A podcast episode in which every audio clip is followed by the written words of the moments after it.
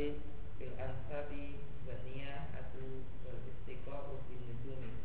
Qala fi qala fi hadis sahih tetap ba'anna sunnana man kana qablakum. Kana naman kana naman kana qablakum kudul. Hadwal qudrati. Hadwal hadwal qudrati fil qudrati hatta جهر طب جهر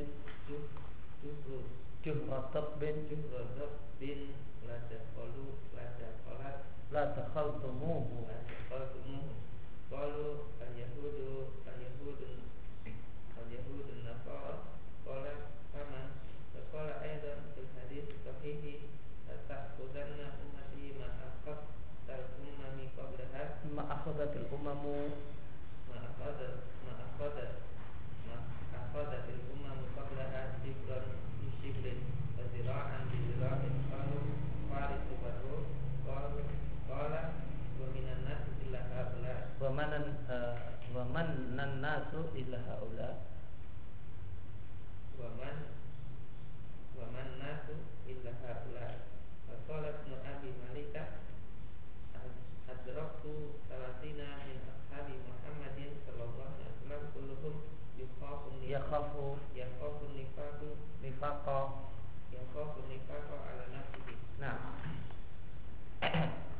Fa'arbara maka berkaitan dengan hadis arba'un mangkun nabi kana menafikan khalisan.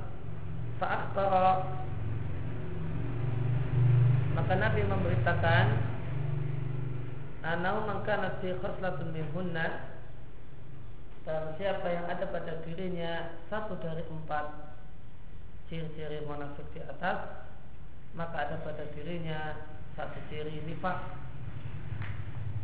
Waqat sahabat fi sahih dan terdapat dalam kitab sahih dari Nabi Shallallahu Alaihi Wasallam berkata pada Abu Dar, ini engkau adalah seorang yang ada pada dirimu jahiliyah. Padahal Abu Dar adalah termasuk mengadaptinasi imanan orang yang paling benar imannya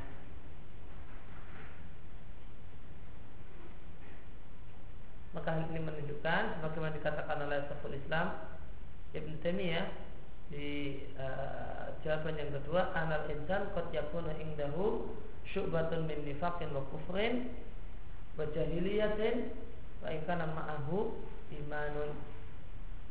Bahasanya boleh jadi seorang itu ada padanya cabang kemunafikan, cabang kekafiran, dan di antaranya adalah cabang jahiliyah, Baikkan nama imanun meskipun ada pada dirinya iman maka sunnah berkeyakinan bahasanya terkadang terkumpul dalam diri seseorang nifak dan iman sekaligus dan kufur dan iman sekaligus.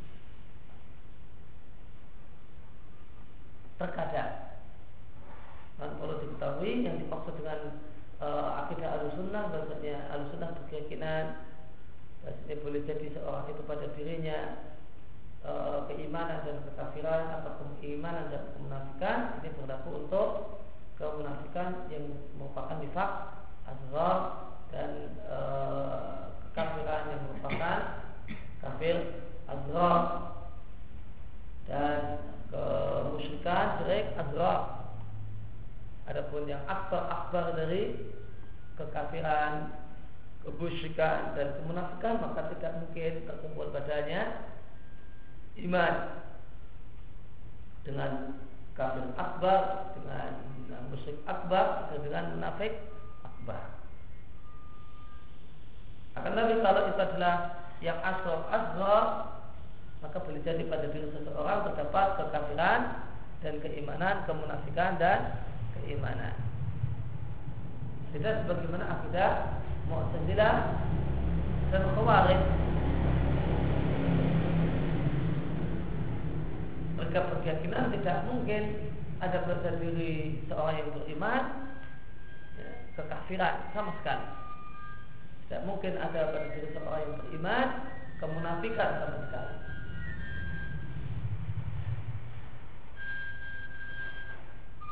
Maka contoh bukti bahasanya terkadang ada pada diri seseorang cabang kemunafikan atau kekafiran dan padanya keimanan adalah sabda Nabi kepada Abu Dhar. Abu Dhar tidaklah diragukan beliau adalah seorang yang sangat bagus imannya akan tapi Nabi katakan dia padanya ada pada dirinya cabang ke cabang jahiliyah yaitu cabang kekafiran.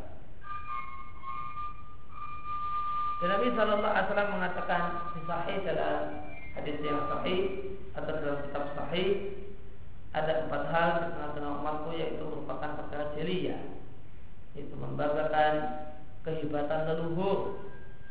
Ya, kemudian mencela nasab orang lain meratapi jenazah yang meninggal dunia kerabat yang meninggal dunia buat istisqa dan menisbatkan hujan kepada bintang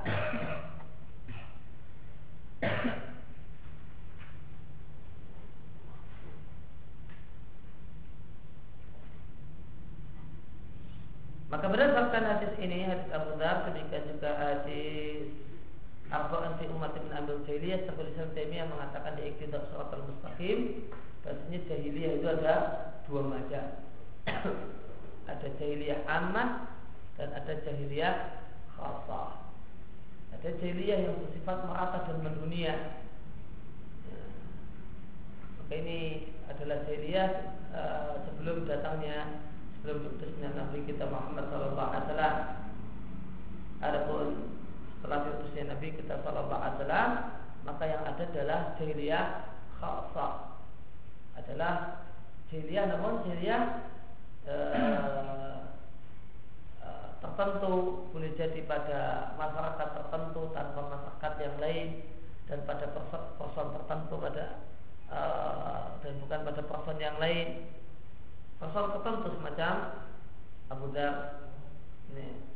Atau pada masyarakat tertentu. Yang tidak ada pada masyarakat yang lain. Adapun jahiliyah yang bersifat aman tidak ada setelah diutusnya Nabi Shallallahu Alaihi Wasallam Eh, dengan dalil tentang hadis tentang Taifah Mansurah. Akan selalu ada sekelompok dari umat Muhammad Sallallahu Alaihi Wasallam yang selalu komitmen dan konsisten dengan kebenaran sehingga maka dengan adanya uh, adanya Taifah Mansurah di setiap zaman maka ini menunjukkan bahasanya setelah diutusnya Nabi Shallallahu Alaihi Wasallam tidak mungkin dijumpai jahiliyah yang bersifat nah, bersifat aman. Maka ini bantahan untuk Muhammad Kutub yang uh, memiliki judul buku sebuah buku yang judulnya uh, Jaliyatul Qarnul Aisrin. Jaliyah abad 20 ini baru menjelaskan dia pada satu zaman. Maka di abad 20 dinyatakan semua kondisi manusia adalah dalam jahiliyah Kemudian dalam hadis yang sahih Nabi Shallallahu Alaihi Wasallam mengatakan tetap bu'unna sanana mangkana kebelakum sungguh kalian akan mengikuti ya, perilaku atau kebiasaan orang-orang sebelum kalian hadwal kuzati bil kuzati Bagaimana miripnya ujung panah dengan ujung panah satunya. Kuda itu e, bagian pangkal dari panah. Pangkal panah di sana ada mungkin dikasih bulu. Ini jika ditata maka akan satu panah dengan panah yang lain itu persis.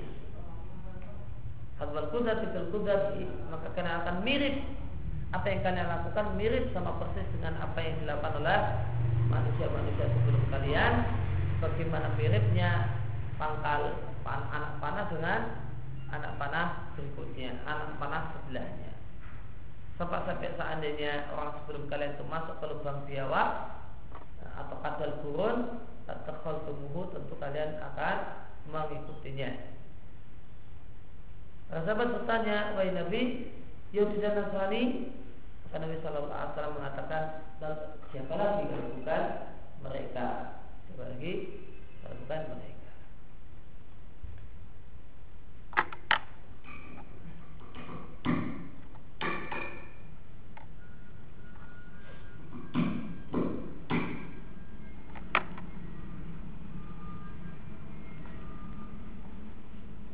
Maka berkaitan dengan hadis ini uh, ada yang menjelaskan kenapa Nabi pilih istilah lubang dok, lubang kadal, gurun.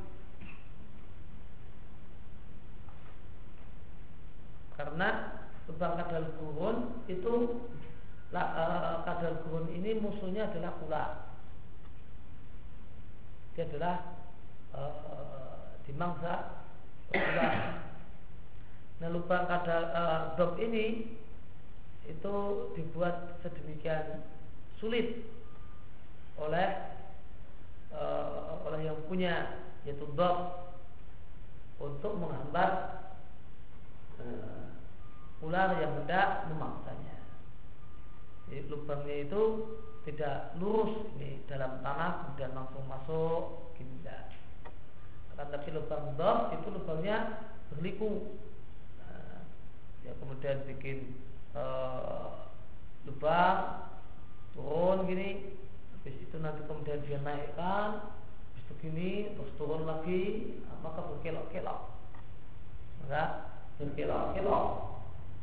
Sehingga ular yang mau memangsa dok ini akan berpikir ular ya, kalau masuk ke lubang ini apa tekuk-tekuk? Nah, maka repot nanti akan repot karena begini begini. Nah, akhirnya dia milih nah, untuk tidak menyerang dor di sarangnya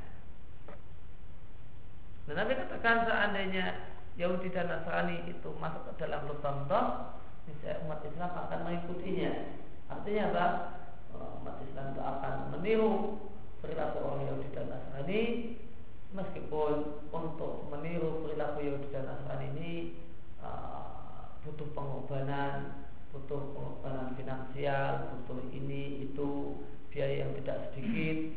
Namun demi serupa dengan orang Nasrani, maka umat Islam uh, rela berkorban demi agar tindakannya serupa dengan orang Yahudi dan Nasrani.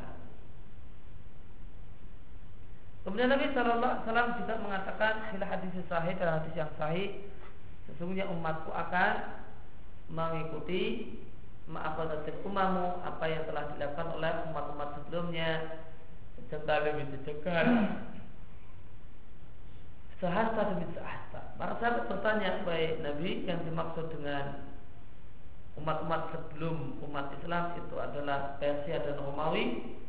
Maka Nabi Shallallahu Alaihi Wasallam mengatakan wamanan nasu dan siapakah manusia kecuali mereka mereka artinya tidak ada manusia kecuali mereka mereka.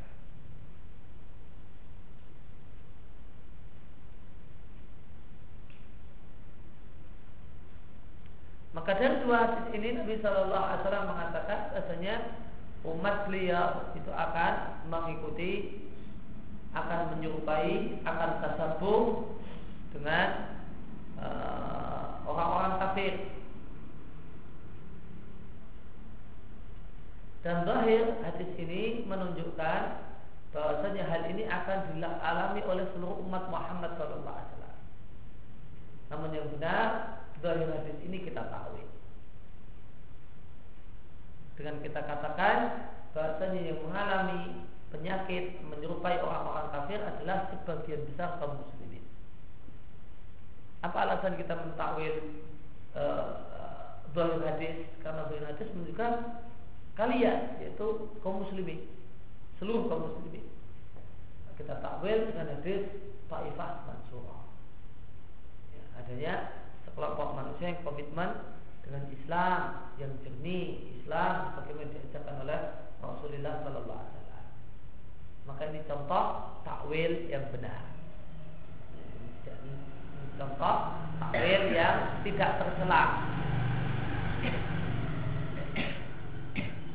Doa hadis menunjukkan semua umat Islam akan menjumpai orang-orang kafir.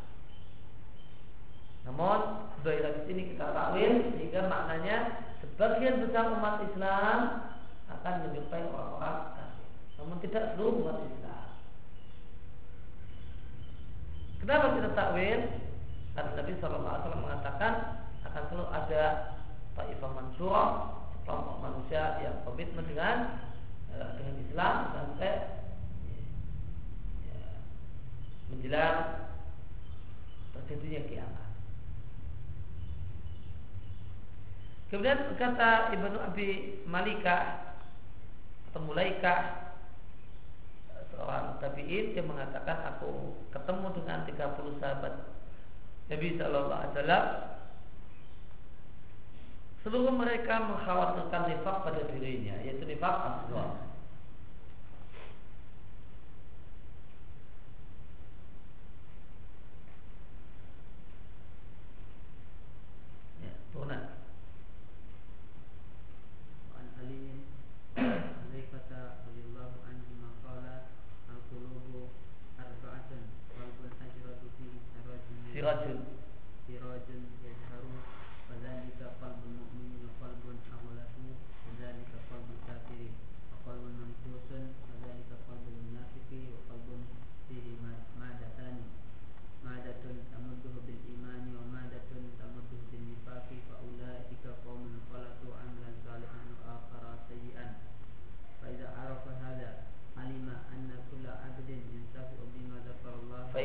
开的。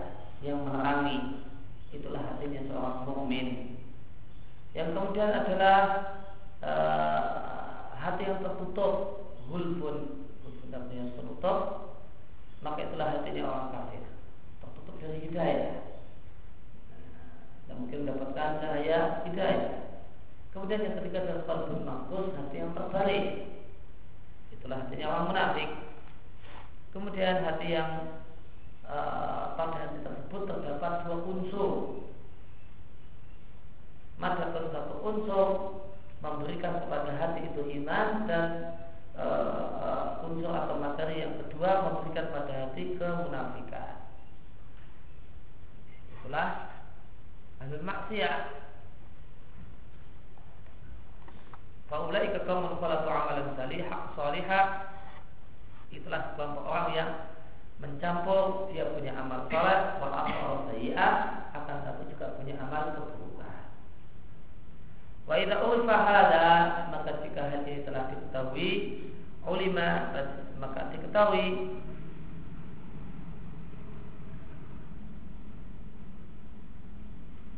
Anak abdin bahasanya semua hamba yang tapi itu mengambil manfaat dengan apa yang Allah sebutkan tentang iman berupa pujian terhadap syu'abil imani cabang-cabang iman dan celaan terhadap cabang-cabang kekafiran.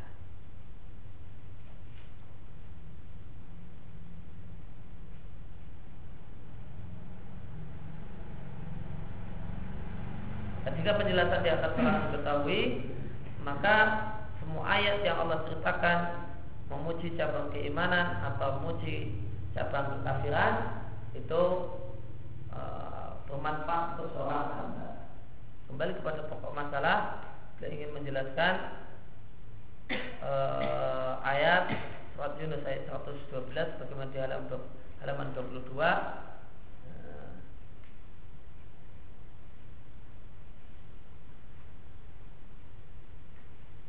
tentang wa idza masal insanu duru ta'ana li jambihi aw qaida aw qaima yang ini ditafsirkan oleh sebagian ulama dengan orang-orang kafir. Maka ayat ini cuma menceritakan perilaku orang kafir. Ya, ayat ini menceritakan perilaku orang kafir atau menceritakan ya ulah ciri ulah khasnya orang kafir menceritakan tentang cabang-cabang kekafiran oleh karena itu maka maka ayat ini berlaku untuk semua orang. Jadi berlaku untuk semua orang, boleh jadi orang tua adalah orang kafir atau boleh jadi orang tua adalah orang yang beriman. Namun ada padanya cabang kekafiran.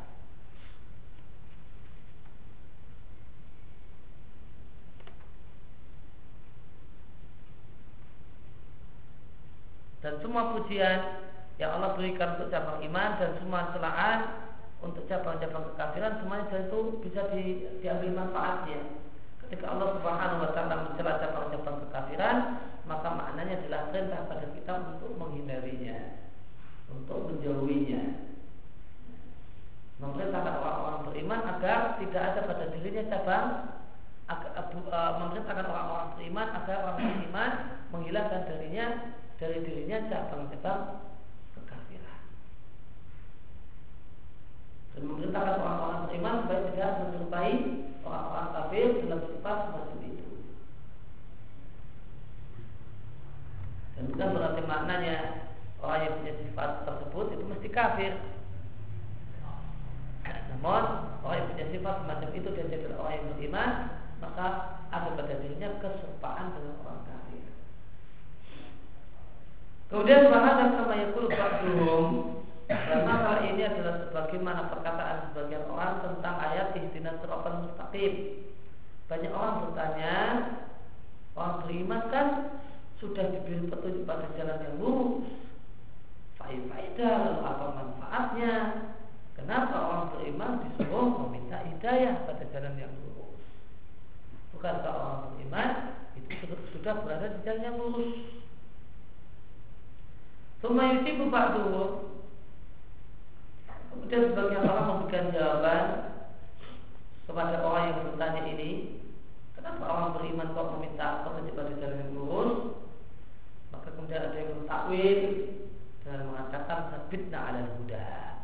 Makna intinya siratal mustaqim itu adalah tegakkanlah kami di atas petunjuk.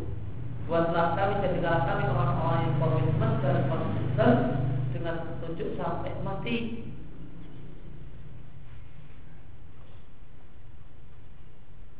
Sebagaimana perkataan orang Arab kepada orang yang tidur, tidurlah sampai aku datang kepadamu. Artinya, tetaplah engkau tidur.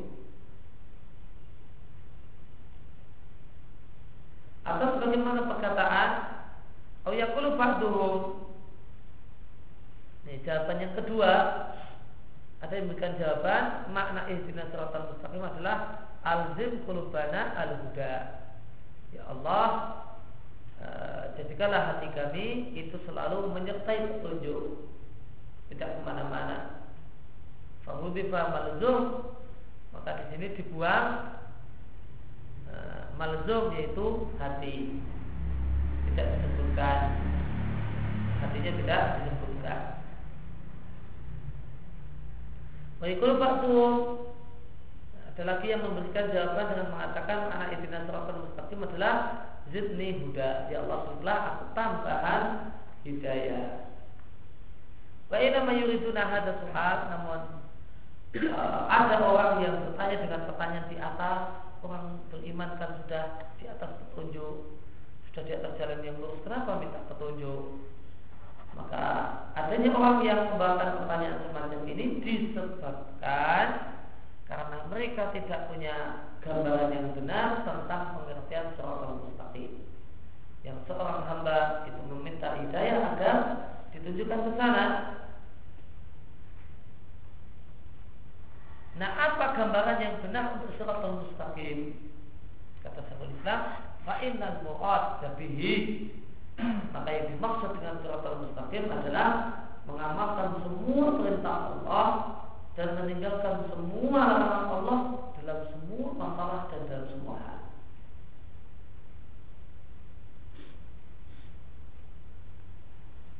Maka berdasarkan penjelasan Syekhul Islam, di sini maka makna ihdinas siratal mustaqim itu uh, itu mengandung dua pengertian. Yang pertama adalah meminta kepada Allah tambahan ilmu.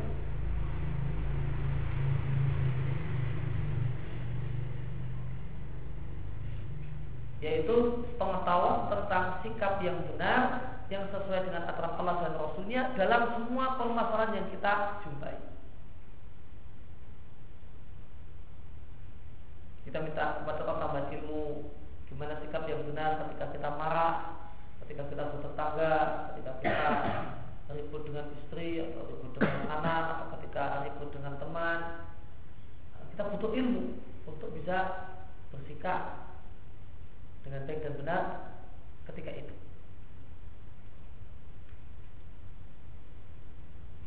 Dan ilmu yang kita ketahui tentang bagaimana sikap yang benar dalam berbagai situasi yang kita hadapi dalam hidup ini itu terbatas. Banyak yang belum kita ketahui. Maka makna yang pertama dari ikhtinas suratul mustaqim adalah kita tambahan ilmu.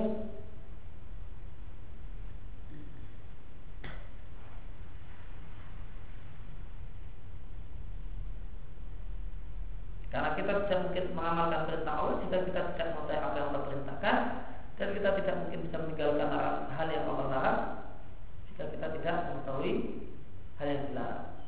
Kemudian yang kedua, ihdinas siratal mustaqim maknanya adalah minta tambahan taufik kepada Allah Subhanahu wa taala sehingga ilmu-ilmu yang telah kita ketahui tadi bisa kita amalkan. Karena betapa banyak kita punya ilmu, eh, ilmunya sudah benar, namun kita tidak mempraktekkan dan mengamalkannya.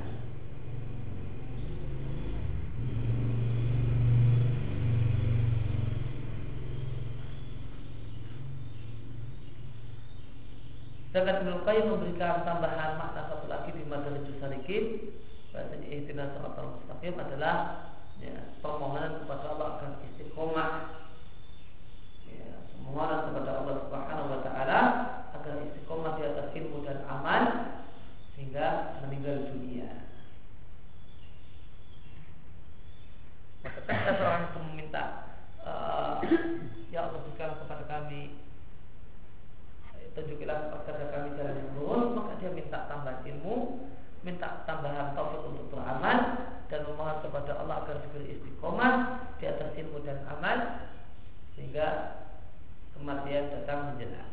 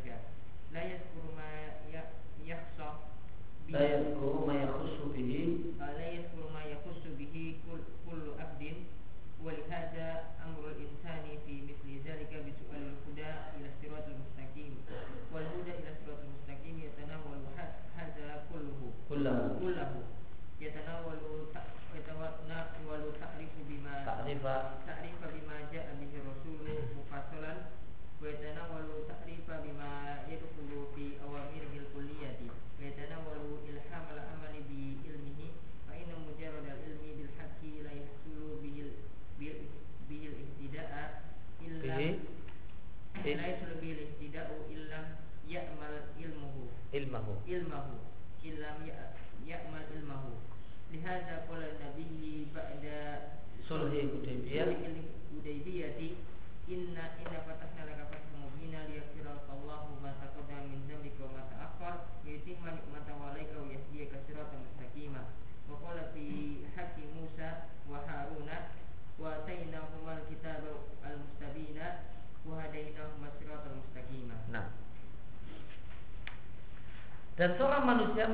dia telah mengakui bahwa Muhammad adalah utusan Allah dan Al-Quran adalah benar ala sabilil ijmal secara global, maka betapa banyaknya manusia itu membutuhkan ilmu tentang hal-hal yang bermanfaat untuk dirinya dan ilmu tentang hal-hal apa saja yang membahayakan dirinya.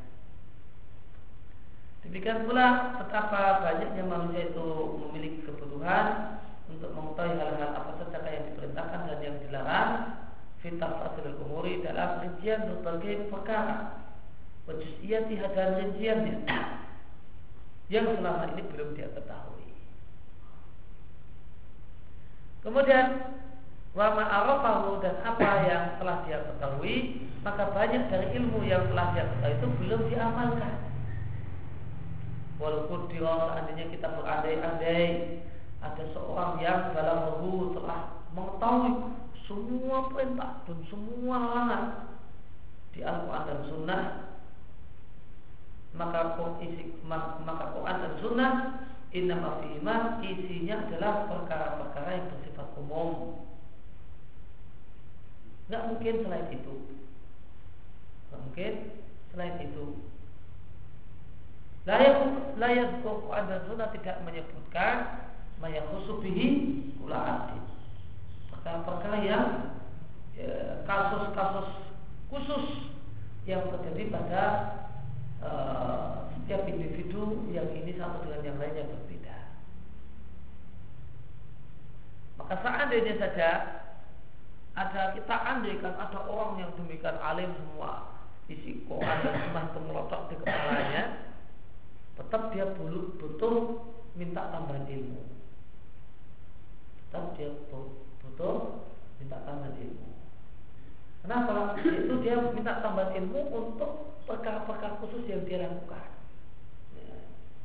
Ketika ya, dia melakukan transaksi jual beli, ya, jual beli model seperti ini, itu apa hukumnya? Kemudian ada jual beli model semacam ini, itu apa hukumnya? Kemudian transaksi sewa menyewa dengan model semacam ini, apa hukumnya? Perintah yang bersifat umum di Quran dan Sunnah larangan borok, larangan ini, larangan ini itu sudah paham. Namun apakah kemudian ketika diterapkan ketika dia menghadapi masalah khusus dia tahu? Belum tentu. Boleh jadi dalil-dalil umumnya tahu, namun ketika ketemu masalah khusus dia bingung. Ini apa hukumnya ya? Ini hukumnya apa? Maka tetap orang itu butuh minta tambahan ilmu yaitu ilmu untuk masing-masing perkara khusus yang dia jumpai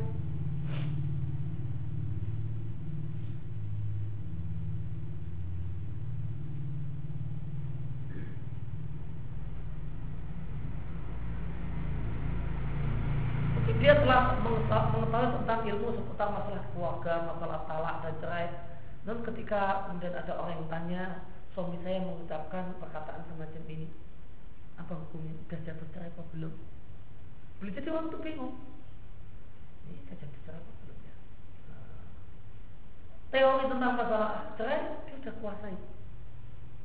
Namun per kasus kalimat semacam ini jatuh cerai apa enggak? Kalimat semacam ini jatuh cerai apa enggak? Kalimat semacam ini jatuh cerai apa enggak? Nah, ini butuh nah, butuh ilmu. Ilmu tambahan maka seandainya kita andaikan ada orang yang tahu semua hukum Quran dan Sunnah, maka ihdinas siratal mustaqim tetap maknanya adalah minta tambahan ilmu. Itu ilmu rincian. Nah, ilmu rincian di tafasil umur wa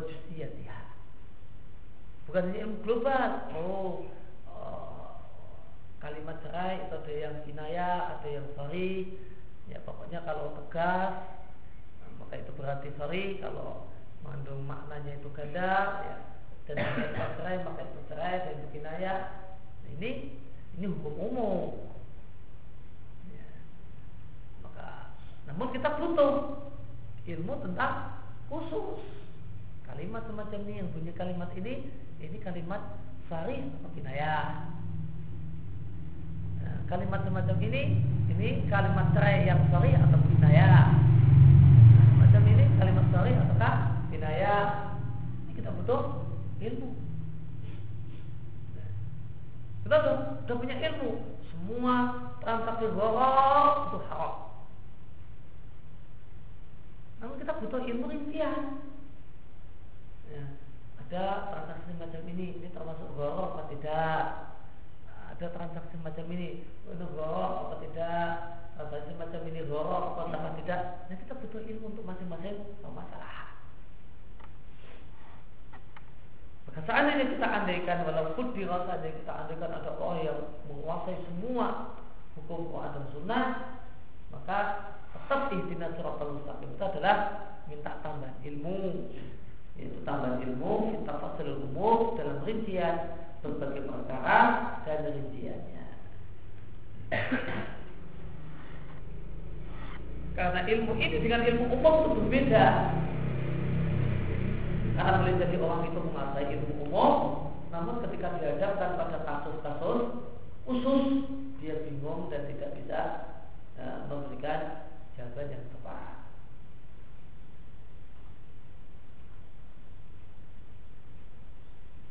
Hal karena itu maka manusia diperintahkan dalam uh, kondisi semacam ini untuk meminta uh, hidayah pada jalan yang lurus. Karena hidayah menuju jalan yang lurus itu mencakup ini semua. Yaitu pertama mencakup at-ta'rif bima ja'a rasul mufassalan. Ya. Mencakup at-ta'rif pengetahuan tentang ajaran Rasul yang bersifat rinci. Ya. Di samping juga mencakup pengetahuan bima yadkhulu fil awamir al kuliah dalam kasus-kasus yang termasuk dalam hukum umum. Apakah ini termasuk jual gorok apakah ini termasuk baik gorok apakah ini termasuk baik gorok apakah ini termasuk riba? Apakah ini termasuk riba? Kita juga butuh tarif pengetahuan tentang perkara-perkara yang masuk dalam hukum umum. Hukum umum misalnya riba. Riba halal. Maka apakah ini termasuk riba apakah ini termasuk riba apakah ini termasuk riba ini kita butuh ilmu.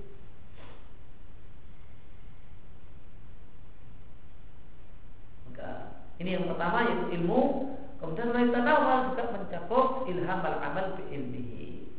Ilham uh, untuk beramal dengan ilmu yang telah dimiliki. Fa'inna mujarrad al-ilm karena semata-mata mengetahui dengan kebenaran mengetahui kebenaran maka lam yahsul ihtidah maka seorang itu tidak mendapatkan hidayah dengan ilmu tentang kebenaran yang didapatkan jika dia tidak beramal dengan ilmunya. Ya, seorang itu tidak dikatakan ihtidah mendapatkan hidayah sampai seorang itu memiliki ilmu dan mengamalkannya. Seorang yang punya ilmu belum mengamalkannya tidak dinilai dalam kondisi ihtidah mendapatkan hidayah. Oleh karena itu Allah Subhanahu wa taala berfirman kepada nabinya setelah terjadinya perjanjian Hudaybiyah, "Inna fatahna laka fathan mubina." Yang kami telah memberikan kepada kemenangan yang nyata. Ya, kami telah memberikan kepadamu kemenangan yang nyata. Ini eh, eh, uh, uh, uh berdasarkan eh, isyarat dengan kata Islam pada Hudaybiyah maka itu maksudnya telah memiliki kenalan yang nyata kemudian oh,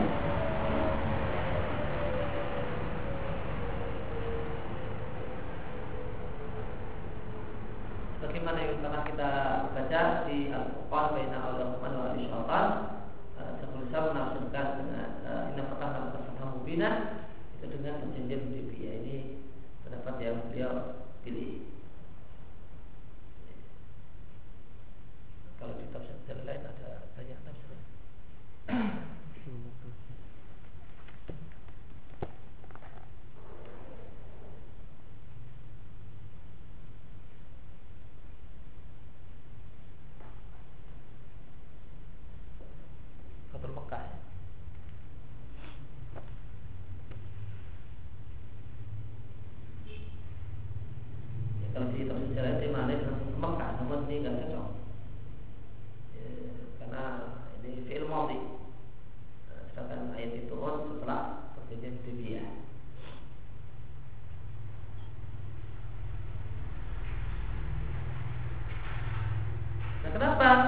Sofia ini